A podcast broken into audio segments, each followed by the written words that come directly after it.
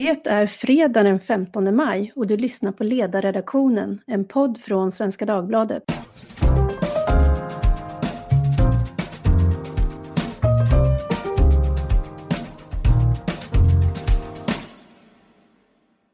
Jag heter Tove Livendal och idag ska vi rikta blickarna västerut och de vi delar något av det allra viktigaste med, nämligen humor och dåligt väder. Talar om britterna. Går det för Storbritannien i kampen mot corona vad händer politiskt och hur ser tankegångarna ut i befolkningen?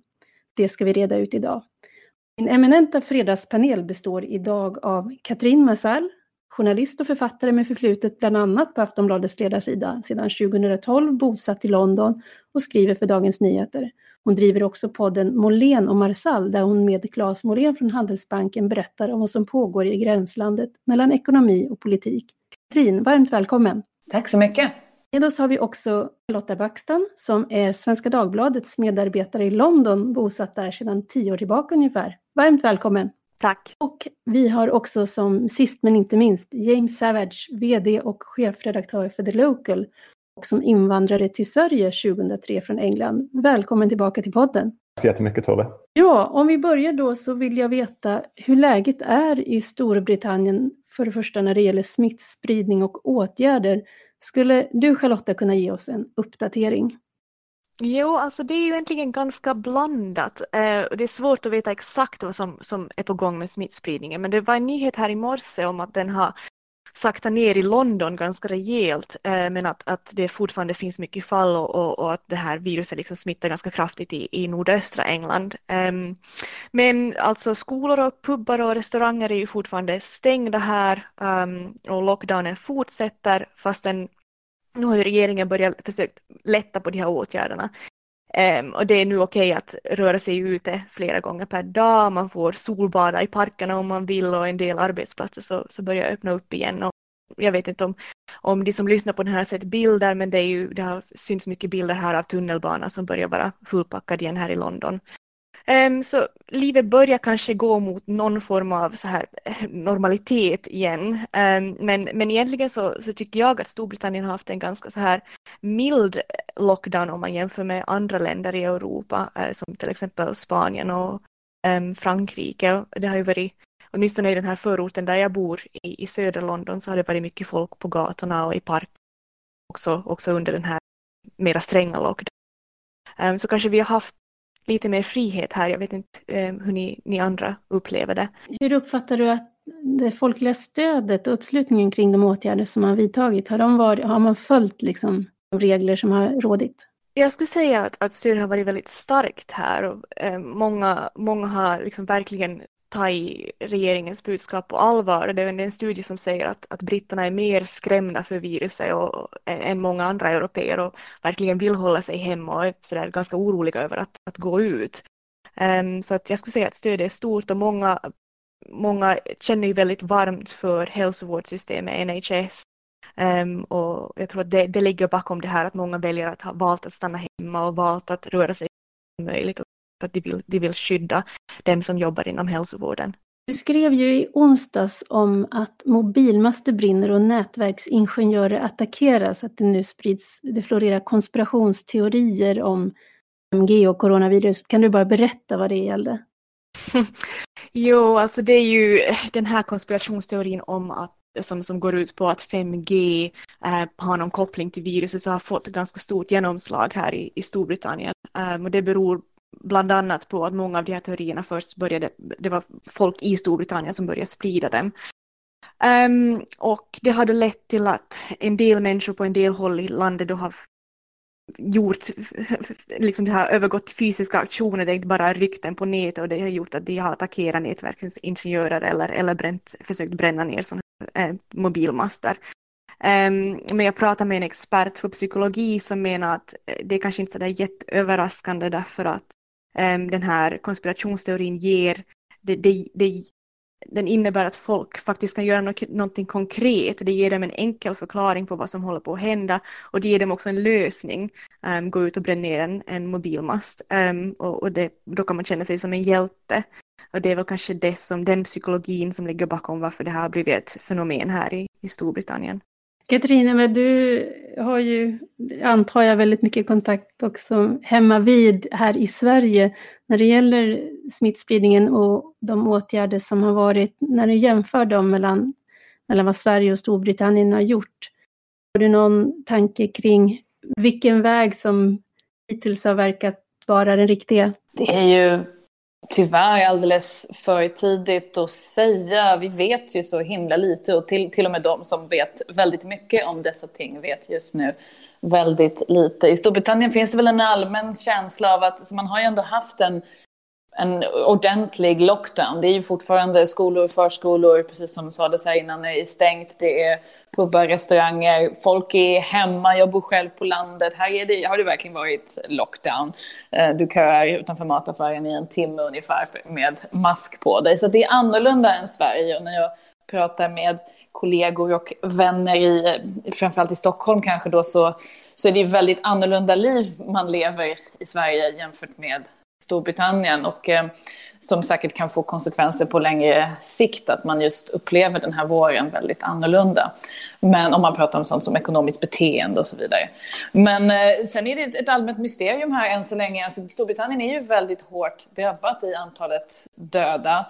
Uh, det finns olika siffror, det är svårt att jämföra mellan länder men det ser ju ut som att Storbritannien går mot att bli kanske det hårdast drabbaste landet i Europa och man vet inte varför. Och det är väl den stora frågan just nu vad det beror på. Och det är väl vad liksom man funderar på i den politiska sfären men också vad vanliga människor går runt och funderar på. Att liksom, trots att man låste ändå väldigt mycket, väldigt mycket mer än Sverige så är det så många tragiska dödsfall. Mm. Vi ska alldeles strax komma till det politiska. Jag vill bara höra med James här.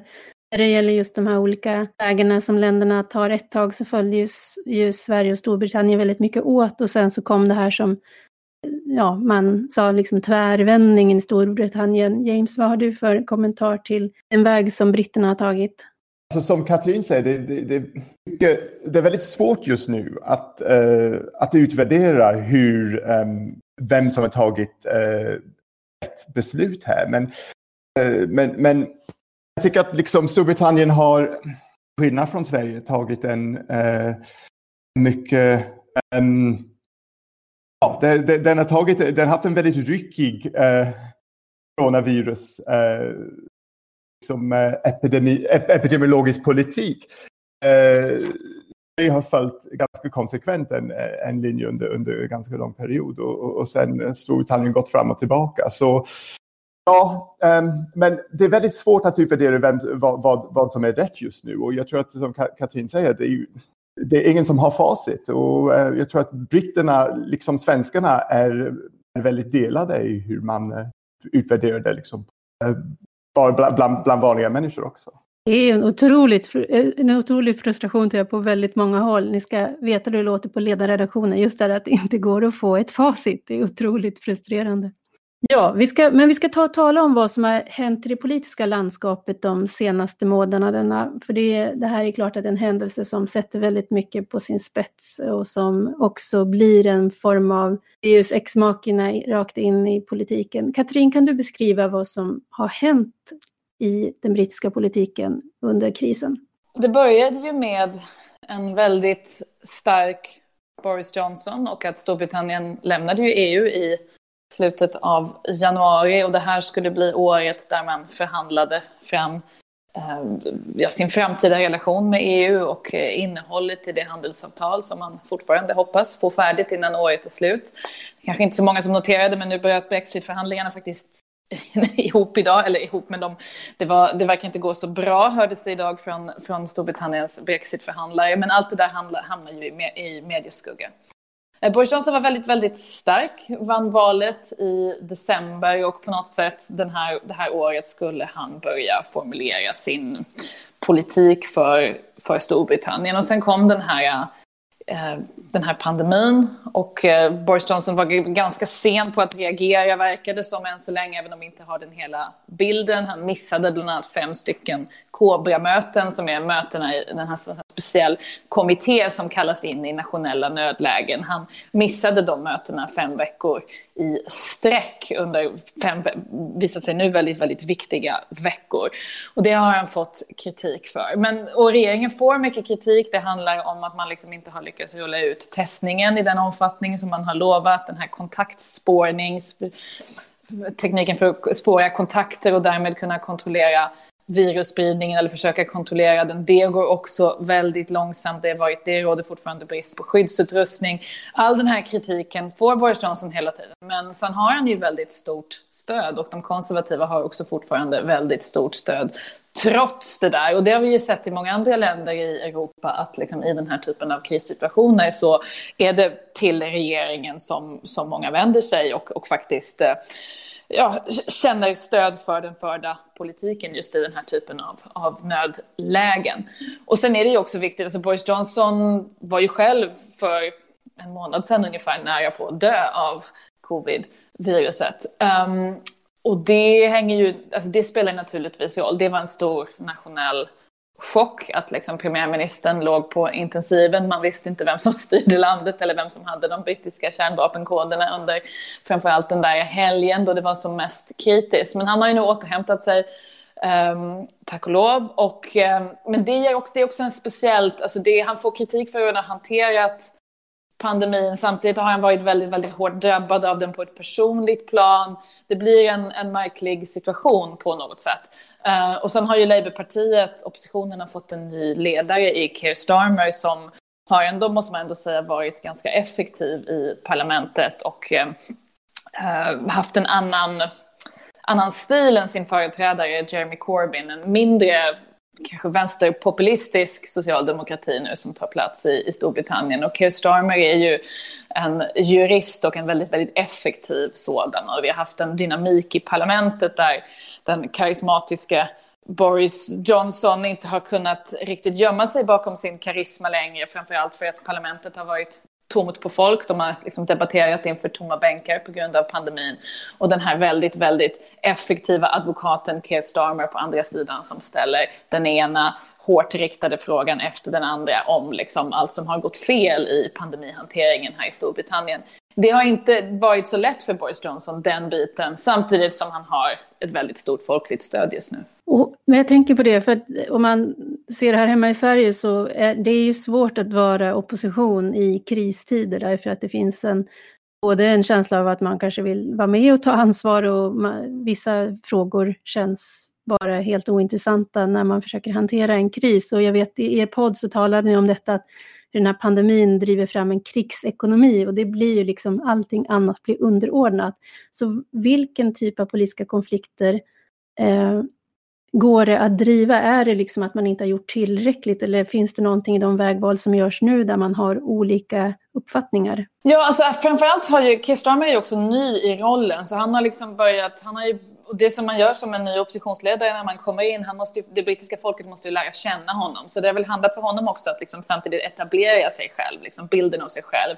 Vem är han? Vilken ton använder han mot Boris Johnson? Och det har ju varit en stor förändring där, att det är liksom en, en mer, kanske mer av en mitten socialdemokrati, en mer så att säga um, lite lugnare ton från oppositionen. Så det har Keir Starmer hållit på med. Konflikten i liksom rena frågor, det har ju gällt sådant som den ekonomiska politiken. Nu har ju visserligen liksom Boris Johnson gått väldigt långt till vänster. och Det finns en politisk konflikt inom hans konservativa parti där folk kan säga till, eller säger att folk på högerkanten i det konservativa partiet tycker att liksom Boris Johnson nu genomför på grund av pandemin allt det som Jeremy Corbyn ville genomföra men inte kunde genomföra. Så man är liksom rädd inom det konservativa partiet för att Boris Johnson går liksom alldeles för långt till vänster. Både med en väldigt expansiv finanspolitik och också med de här skyddsnäten som man bygger upp nu. Att staten, ehm, det ska ju pågå fram till i höst, att de som annars skulle riskerat att förlora jobbet får nu 80 procent av sin lön från från statskassan. Och det här är en typ av skyddsnät som man inte haft tidigare i Storbritannien. Så det finns liksom politiska konflikter inom det konservativa partiet och så finns det liksom en början till en liksom mer höger-vänster-konflikt mellan Labour och de konservativa. Men det är också svårt för Labour med tanke på att Boris Johnson har gått så pass långt till vänster i den ekonomiska politiken, var man riktigt hittar den här konflikten. Och än så länge har det väl handlat ganska mycket just om det här med kompetens. Att liksom, Boris Johnson är ju en karismatisk politiker, men han är också känd för att vara slarvig, han är känd för att inte läsa på.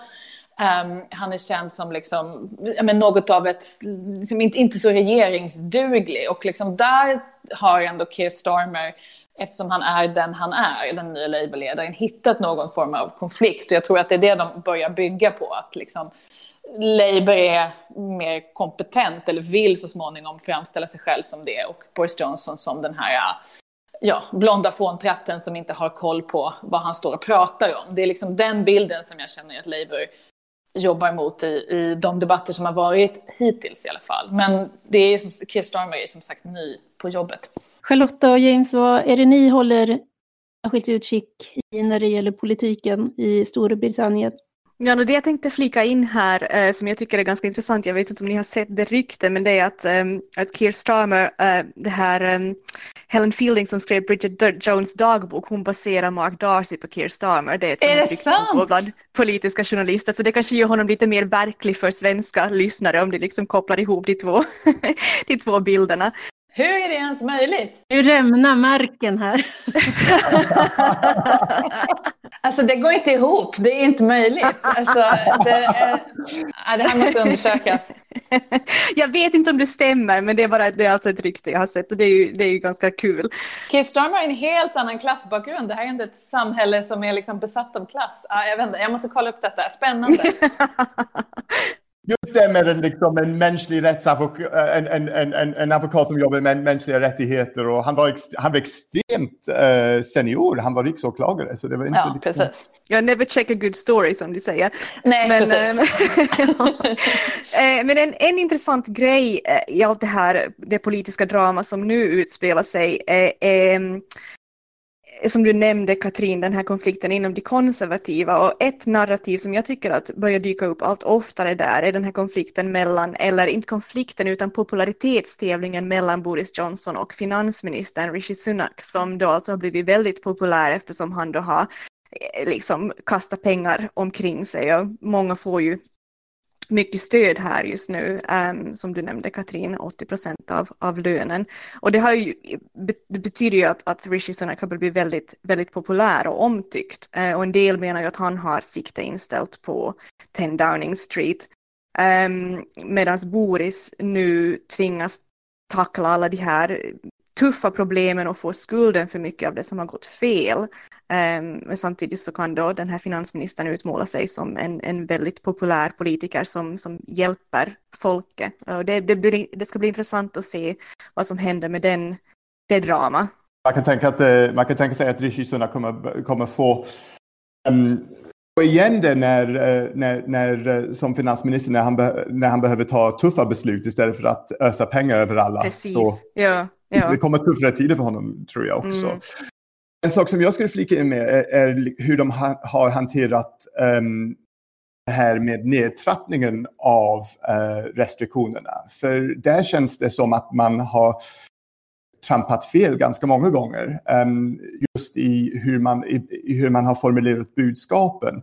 Ehm, och de, de upplevs som ganska otydliga av många som, eh, som jag har pratat med och, och läst om i, i medierna. Det verkar som om må, många eh, Många tycker att Boris Johnson, den här, han, han som är den, den här berömda kommunikatören, ehm, har plötsligt tappat eh, möjligheter, tappat Eh, möjligheten att, att, att, kommunicera. Att, att, att eh, kommunikationen kring det här har varit bristfälligt. Um, just det här att man istället för att säga det, det väldigt tydliga budskapet eh, stanna hemma så säger man att man ska vara vaksam. Folk undrar vad det betyder och hur man ska agera i framtiden. Och som Katrin säger, då, den här idén om att gå tillbaka till det vanliga livet um, är inte helt populärt i alla lägen. Det, det är ganska många som verkar, verkar tycka att eh, man borde stanna hemma lite längre till um, för, för, för, att, eh, för att skydda eh, folkhälsan. Så vi får se hur det, hur, hur det utvecklas framåt tycker jag. För det, det, känns som att man, man är på en, att regeringen är um, en, en, en, en slutande um, ehm, plan här. Att det går, att det går neråt för, för dem. Men vi får se. Ja, och här hemma i Sverige tror vi förstås att hela världen tänker på Sverige, men just när det gäller corona så finns kanske ett visst fog för det eftersom vi har stått ut lite grann som the odd man out. James, du som ju, ja, det gör ni allihopa, men du följer ju verkligen de båda ländernas opinion och debatter. Hur skulle du säga att britterna ser på sin omvärld i det här och kanske Sverige specifikt? Vad säger man om oss? Jag tycker att man alltid så är man om världen inom sin egen lands eh, vinkel. Man, så, så, man, jag, jag, jag, jag, tror att man... Det här konceptet med flockimmunitet i Stor, blev väldigt kontroversiellt väldigt tidigt i Storbritannien och väldigt illa omtyckt. Och, och regeringen var, var tvungen att göra en kovändning väldigt eh, fort. Um, och den, att man upplever att Sverige har fortsatt i samma bana har provocerat väldigt många. Det är väldigt många som har tagit kontakt med mig um, och, kontakt, och tagit kontakt med oss på The Local och sagt och ifrågasatt varför Sverige gör det här. Uh, varför, varför man är beredd att döda uh, så många av, av, av, så många i sin egen befolkning så, så, så som de ser det. Jag tror att eh, Sverige har varit väldigt provokativt för väldigt många britter. Däremot så finns det andra där um, och, och, de har också de har också hört av sig och, och, och pratat om, eh, om att Sverige gör rätt. Ehm, och i, i synnerhet väldigt många på högersidan tycker att Sverige ändå skyddar, skyddar ekonomin. Men jag, jag, som, så som jag upplever det så de, de stora flertalet ganska provocerade av Sverige, av de som eh, lägger märke till det i alla fall. Mm. Vad säger ni andra om det? Ja, det stämmer ju, alltså, som du säger Tove, att liksom, vi i Sverige gärna tänker att hela världen alltid pratar om oss och den här liksom, eh, svenska journalistiska genren, vad skriver utländska tidningar om Sverige, eh, är väldigt stor i Sverige. Men det, det, det stämmer ju att Sverige har ju stuckit ut också tror jag för att liksom höger-vänster-logiken är liksom omvänd lite grann. Alltså här i Storbritannien så är det väl de som står till höger som då är mer för en svensk variant medan vänstern är för en hårdare lockdown generellt. Man skulle också kunna bryta ner det på Brexit, liksom att brexitörerna tenderar att vilja liksom bryta lockdown tidigare och de som är emot Brexit vill hålla stängt längre. Uh, och det är ju det är lite spännande hur, hur det har kunnat så här, korrelera på det sättet. Men, eh, och det är lite tvärtom från Sverige och därför blir det konstigt, därför blir, blir Sverige intressant. Och sen bara det där, alltså bara bilden, jag vet ju själv, jag, man lever ju här, den här vardagen av lockdown. Du kan, nu kan man gå ut, men tidigare kunde man inte gå ut mer än en gång om dagen. Alla affärer är stängda, maskerna, köerna till mataffären. Det blir ju en normalitet väldigt snabbt. Så även när jag såg så här bilder från Stockholm på tv där folk satt på uteserveringar så blir man liksom vad är det där för planet de bor på? Alltså bara, inte ens särskilt en politisk reaktion, men bara en, kan man leva så också?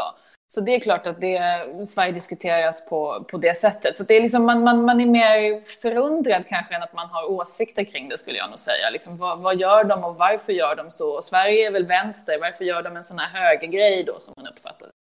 Det är väl den typen av frågor som jag får. Lotta, vi hade ju, apropå då journalistik, genren Vad säger folk om Sverige, så hade vi en, en, ehm, ja, en, en, en tagning på det här när vi lät er som jobbar i utlandet skriva om era upplevelser av att befinna er på olika platser men kanske också om hur man såg på Sverige. Och jag tyckte själv, jag, jag älskar sånt här. Typ jag läser det mycket ingående. Men vad säger du, vad har du slagits av när det gäller skillnaden och synen på Sverige. Eh, men, men det som är intressant, jag pratade med eh, en, en expert inom hälsovården igår om, om just det här och, och liksom bilden av um, Sverige i Storbritannien. Hon, hon sa, hennes tolkning var att den här lättningen av nedstängningen nu gör att Storbritannien går mot en, en modell som börjar lika, likna Sverige mer och mer. Men hon ansåg då att det här kan vara problematiskt i Storbritannien därför att eh, Storbritannien är ett så tätbefolkat land, det är en liten ö där folk bor väldigt tätt. Och därför så, så kan det här viruset då spridas väldigt snabbt och, och smitta väldigt många under en kort period um, om de här åtgärderna lättades. Eh, eller kommer att lättas mer och mer. Så hon var ganska så här um, skeptisk till att börja lätta på nedstängningen eller gå mot en, en Sverigemodell här i Storbritannien just därför att det då i hennes eh, ögon skulle kunna göra att hälsovården blir överbelastad. Men ja, det är ju det är en syn på den här saken. Man vet ju, som ni, som ni alla har sagt, så vet man ju inget. Man, vi har ju inte facit i handen, så det är så svårt att säga exakt hur saker kommer att utveckla sig. Det finns ett franskt uttryck som, det är lite hemskt att säga i dessa dagar, men vivre verra, den som lever får se. Det kanske är som händer. Vi har en fråga som vi alltid ställer på fredagar i vårt stående fredagsmys och den ska vi ta och runda av med nu. Och det är, vad gör ni i helgen? Och har ni några tips till lyssnarna om vad man kan göra? Ska James börja? Ja, men jag ska ut till min eh, stuga eh, eftersom den ligger under två timmar från Stockholm och det får jag göra enligt Folkhälsomyndigheten. jag tycker att eh, om man har en stuga mindre än två timmar från Stockholm ska man ha tillfälligt i akt och åka dit. Det är skönt. Låter härligt. Vad säger Charlotta? Jag kommer att gå ut i trädgården och plocka bort ogräs. Vår trädgård är enormt övervuxen och den har liksom blivit helt, jag har struntat i den under en längre period och det känns som att nu är det dags att tackla den. Jag gör som alla andra britter tydligen och börjar liksom ta hand om trädgården och ska beställa tomatplantor och om de inte alla är slutsålda än. Och, um, och sånt här. Så det, det är kanske också mitt tips till de som lyssnar att gå ut och stoppa fingrarna i myllan och det där, ja, njuta av solen om solen skiner i Sverige under helgen. Det kommer bli extremt välskötta trädgårdar som en effekt av coronakrisen. Mm. Rin, vad har du för tips och vad ska du göra? Ja, vad jag ska göra? Jag är i slutarbetet med en bok som kommer ut i höst i Sverige faktiskt, som heter Att uppfinna världen. Som jag, jag jobbar på helgerna nu för tiden och har gjort det senaste sju månaderna. Så att, äh, det är för det då jag skriver boken i hög grad. Äh, så att jag kommer sitta inne och skriva bok, men ute i trädgården kommer min man och mina barn vara. Vi har också potatisland och allt sånt där som alla på något sätt satte igång med, precis som Charlotta säger här när krisen var som värst. Det är väl också en, jag tror att det var en effekt av att eh, det var ganska mycket mat som tog slut i Storbritannien och då tror jag att det finns något, när det är tomt på hyllorna i affären, då tror jag att det är någonting ganska grundläggande i människan så att om har några, lite, lite jord så vill man börja odla i den. Så eh, det, är väl ett, eh, det är väl ett tips antar jag. Mm. Då tackar vi för det. Själv så ska jag agera chaufför. Det är ju det nya här att man får ha barnkalas som man har om sådana med, man umgås med på skoltid och man får ha juniorfotboll. Men det nya är att inga föräldrar är välkomna annat än som just chaufförer. De ska hålla sig i bilen. Så det är väl wow. min helg ser ut då. Eh, och sen kanske det blir lite skapande i kök och på målarduk och det kan jag också faktiskt varmt rekommendera. Eh, stort tack säger jag till Katrin Maisal, Charlotta Buxton och James Savage. Tack till er som har lyssnat. Hör gärna av er till ledarsidan svd.se om ni har några synpunkter på dagens podd eller frågor. Och med det så önskar jag en trevlig helg. Vi hörs igen på måndag.